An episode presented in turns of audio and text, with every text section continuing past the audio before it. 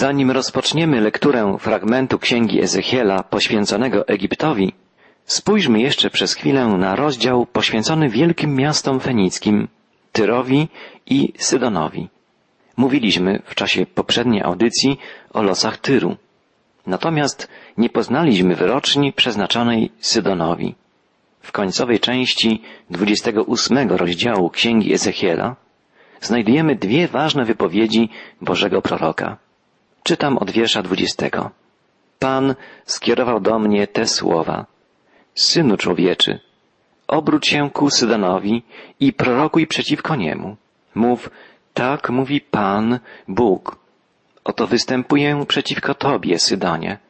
Chcę być uwielbionym pośród Ciebie. Poznają, że ja jestem Pan, gdy nad nim wykonam sądy moje i ukażę się mu jako święty. Sydon był około 40 kilometrów oddalony od Tyru. Były to dwa największe, kluczowe miasta Fenicjan. Zamożni kupcy z Sydonu przyczynili się do rozwoju Tyru. Historia tych dwóch miast była ze sobą ściśle powiązana. Te dwa ośrodki światowego handlu wzajemnie na siebie oddziaływały i pobudzały się do rozwoju. Mówiliśmy już o tym, jak dosłownie, całkowicie wypełniło się proroctwo o zburzeniu Tyru i o tym, że miasto to nigdy nie zostało odbudowane. Natomiast w proroctwie Ezechiela nie ma zapowiedzi o zniszczeniu Sydonu i miasto to, mimo wielu burzliwych wydarzeń, przetrwało i jest nadal dużym, czynnym portem. Dzisiaj Sydon jest jednym z największych portów, gdzie wypełnia się ropą naftową tankowce, rozwożące ten najbardziej popularny surowiec energetyczny do portów całego świata. Losy Tyru i Sydonu przebiegały i przebiegają więc zupełnie inaczej, zgodnie z zapowiedzią Ezechiela, prawdziwego Bożego proroka. Jeszcze raz przekonujemy się, jak trafne są przepowiednie biblijnych proroków. Także i ta końcowa w tym fragmencie księgi wypowiedź Ezechiela. A dla domu Izraela nie będzie już więcej ani ciernia raniącego, ani żądła zadającego ból ze strony tych wszystkich, którzy mieszkają dokoła, którzy ich nienawidzili i poznają, że ja jestem Pan. Tak mówi Pan Bóg. Kiedy zgromadzę dom Izraela spośród narodów pogańskich, wśród których został rozproszony, w nim będę uwielbiony na oczach narodów pogańskich. Będę mieszkać na swojej ziemi, którą dałem słudze memu Jakubowi. Będą na niej mieszkać bezpiecznie. Będą budować domy i uprawiać winnice. Będą mieszkać bezpiecznie, podczas gdy nad wszystkimi dokoła, którzy ich nienawidzili, ja będę wykonywać sądy i poznają, że ja jestem Pan, ich Bóg. Wspaniały to będzie czas, gdy dopełnią się dzieje ludu pierwszego przymierza, gdy Pan okaże Izraelitom swoją łaskę i pociągnie ich do siebie.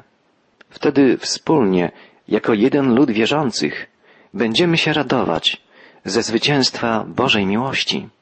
A teraz już spójrzmy na treść 29 rozdziału Księgi Ezechiela. Prorok poświęca tu uwagę Egiptowi. Tak jak i inni prorocy Starego Testamentu, Ezechiel poświęca Egiptowi więcej uwagi niż innym sąsiadom Izraela. Dlatego, że historia narodu wybranego związana była z Egiptem od samego początku. To tu przecież, w Egipcie, rodzina Jakuba, licząca siedemdziesiąt osób, rozrosła się poprzez lata do rozmiarów narodu. Tu w Egipcie, dzięki Józefowi, Jakub, Izrael i wszyscy jego bliscy przetrwali okres wielkiego głodu. I stąd, gdy po latach stali się licznym narodem, Izraelici zostali wyprowadzeni na pustynię i powędrowali ku ziemi obiecanej. Za dni Abrahama, Izaaka i Jakuba, gdy naród izraelski dopiero się rodził, Egipt miał już swoją długą historię jako mocarstwo leżące w północnej Afryce, w żyznym dorzeczu wielkiej rzeki Nil.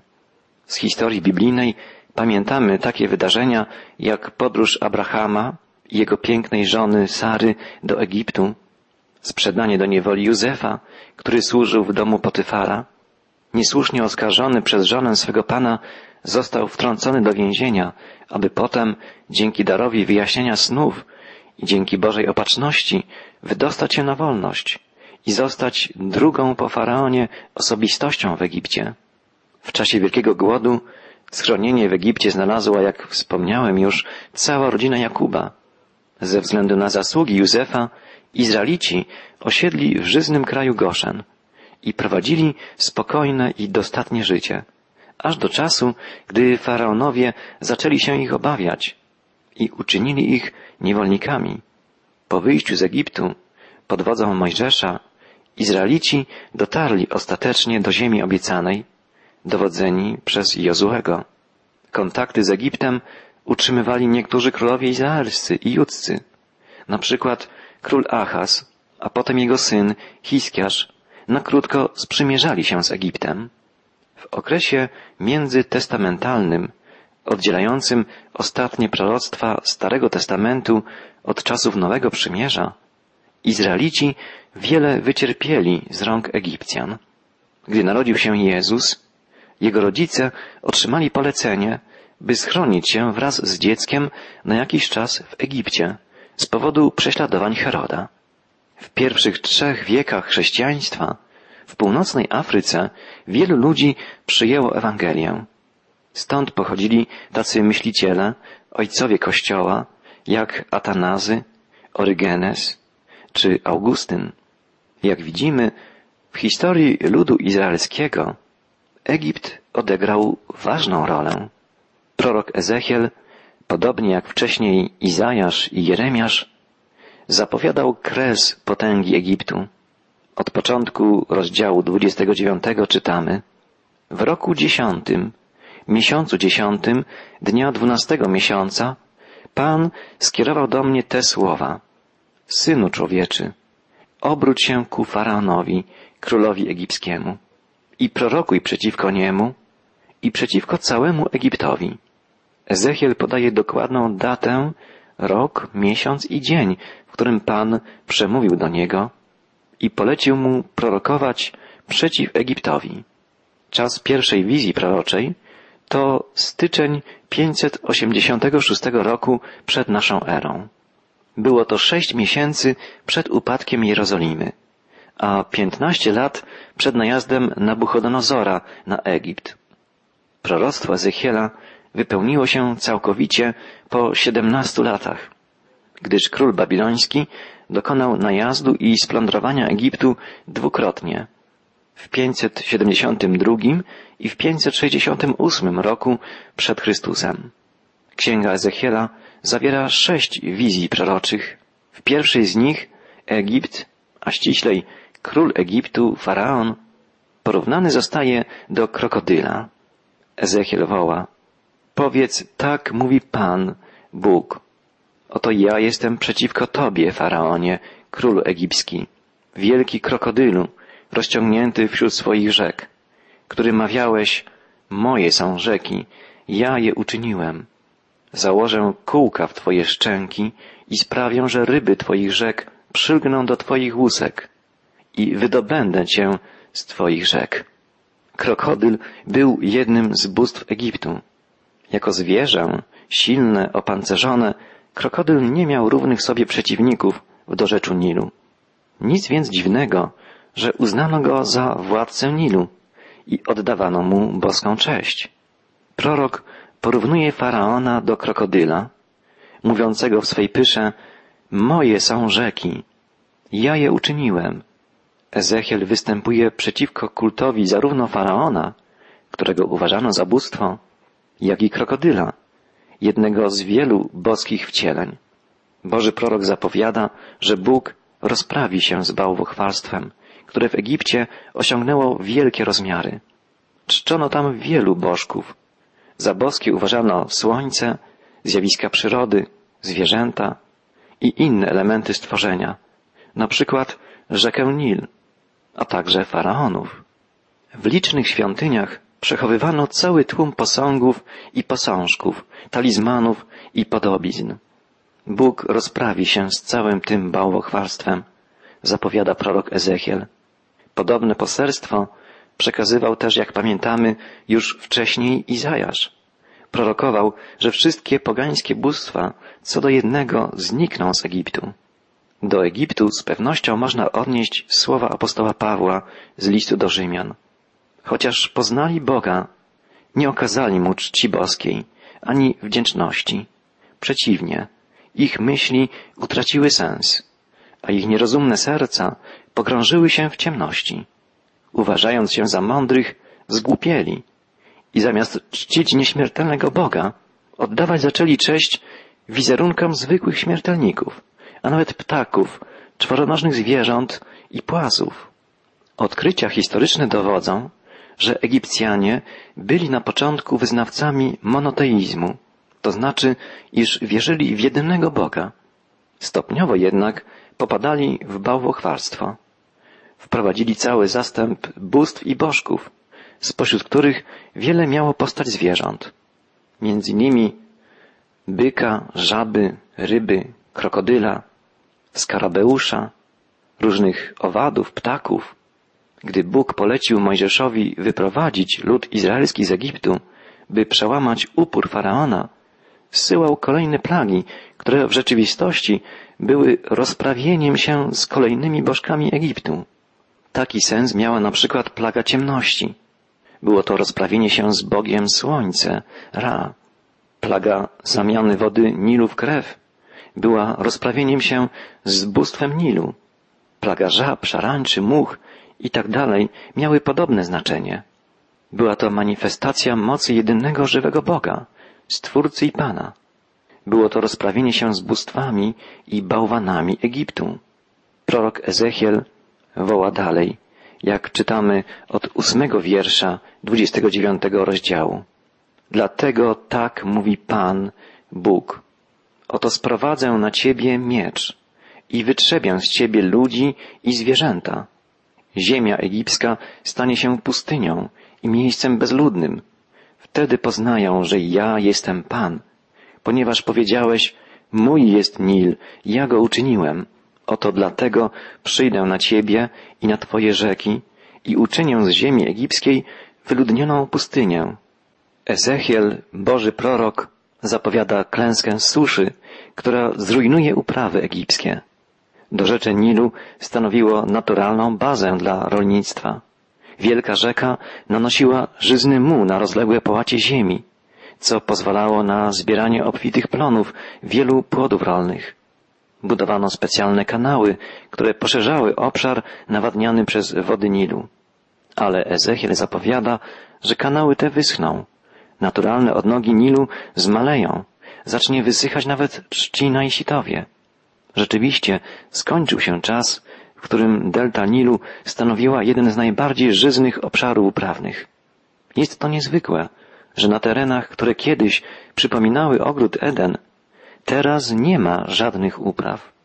Nie ma tu też drzew, krzewów i bujnej roślinności, jak na obrzeżach innych wielkich rzek. Wypełniły się słowa Bożego proroka. Na brzegach Nilu rosła między innymi trzcina, która była używana do produkcji papirusu. Produkcja papirusu, który pełnił w starożytności rolę taką jak dzisiaj papier, była jedną z gałęzi przemysłu pomnażających bogactwo Egiptu. Papirus wyparł gliniane tabliczki i stał się najbardziej popularnym materiałem piśmienniczym. Produkowano go głównie z roślin rosnących na brzegach Nilu. Dzisiaj rośliny te są bardzo rzadkie w Egipcie. Można je spotkać jako specjalnie pielęgnowane uprawy w zamożnych domostwach. Rosną też nad sadzawką przed muzeum w Kairze. Są jednak dzisiaj uprawą luksusową. Nie rosną w stanie naturalnym, jako roślina popularna, tak jak przed laty. Tak więc Ezechiel zapowiedział stopniowy gospodarczy i polityczny upadek Egiptu. Prorok wołał w imieniu Pana. Uczynię z ziemi egipskiej pustynię wśród wyludnionych krajów, a miasta jej zostaną pustynią wśród wyludnionych miast. Przez lat czterdzieści rozproszę Egipcjan wśród narodów i rozdzielę ich po krajach. Król babiloński Nabuchodonozor splądrował Egipt, rozproszył ludność tego kraju i władał nad Egiptem przez czterdzieści lat. I choć potem władzę nad światem objęła potężna Medo-Persja i pozwolono Egipcjanom powrócić do ojczyzny, tak jak i innym narodom, Egipt już nigdy nie powrócił do poprzedniej potęgi. Nie odgrywał już więcej znaczącej roli w historii świata. I to zapowiedział prorok Ezechiel. Czytamy, tak bowiem mówi Pan, Bóg. Przy końcu owych lat czterdziestu zbiorę Egipcjan spośród narodów, między którymi zostali oni rozproszeni. Odmienię los Egiptu i zgromadzę ich w kraju Patros, w kraju ich pochodzenia. I będą tam tworzyć królestwo bez znaczenia. W porównaniu z innymi królestwami będzie to królestwo bez znaczenia i nigdy nie podniesie się ponad inne narody. Zmniejszę ich liczbę, aby więcej nie panowali nad narodami.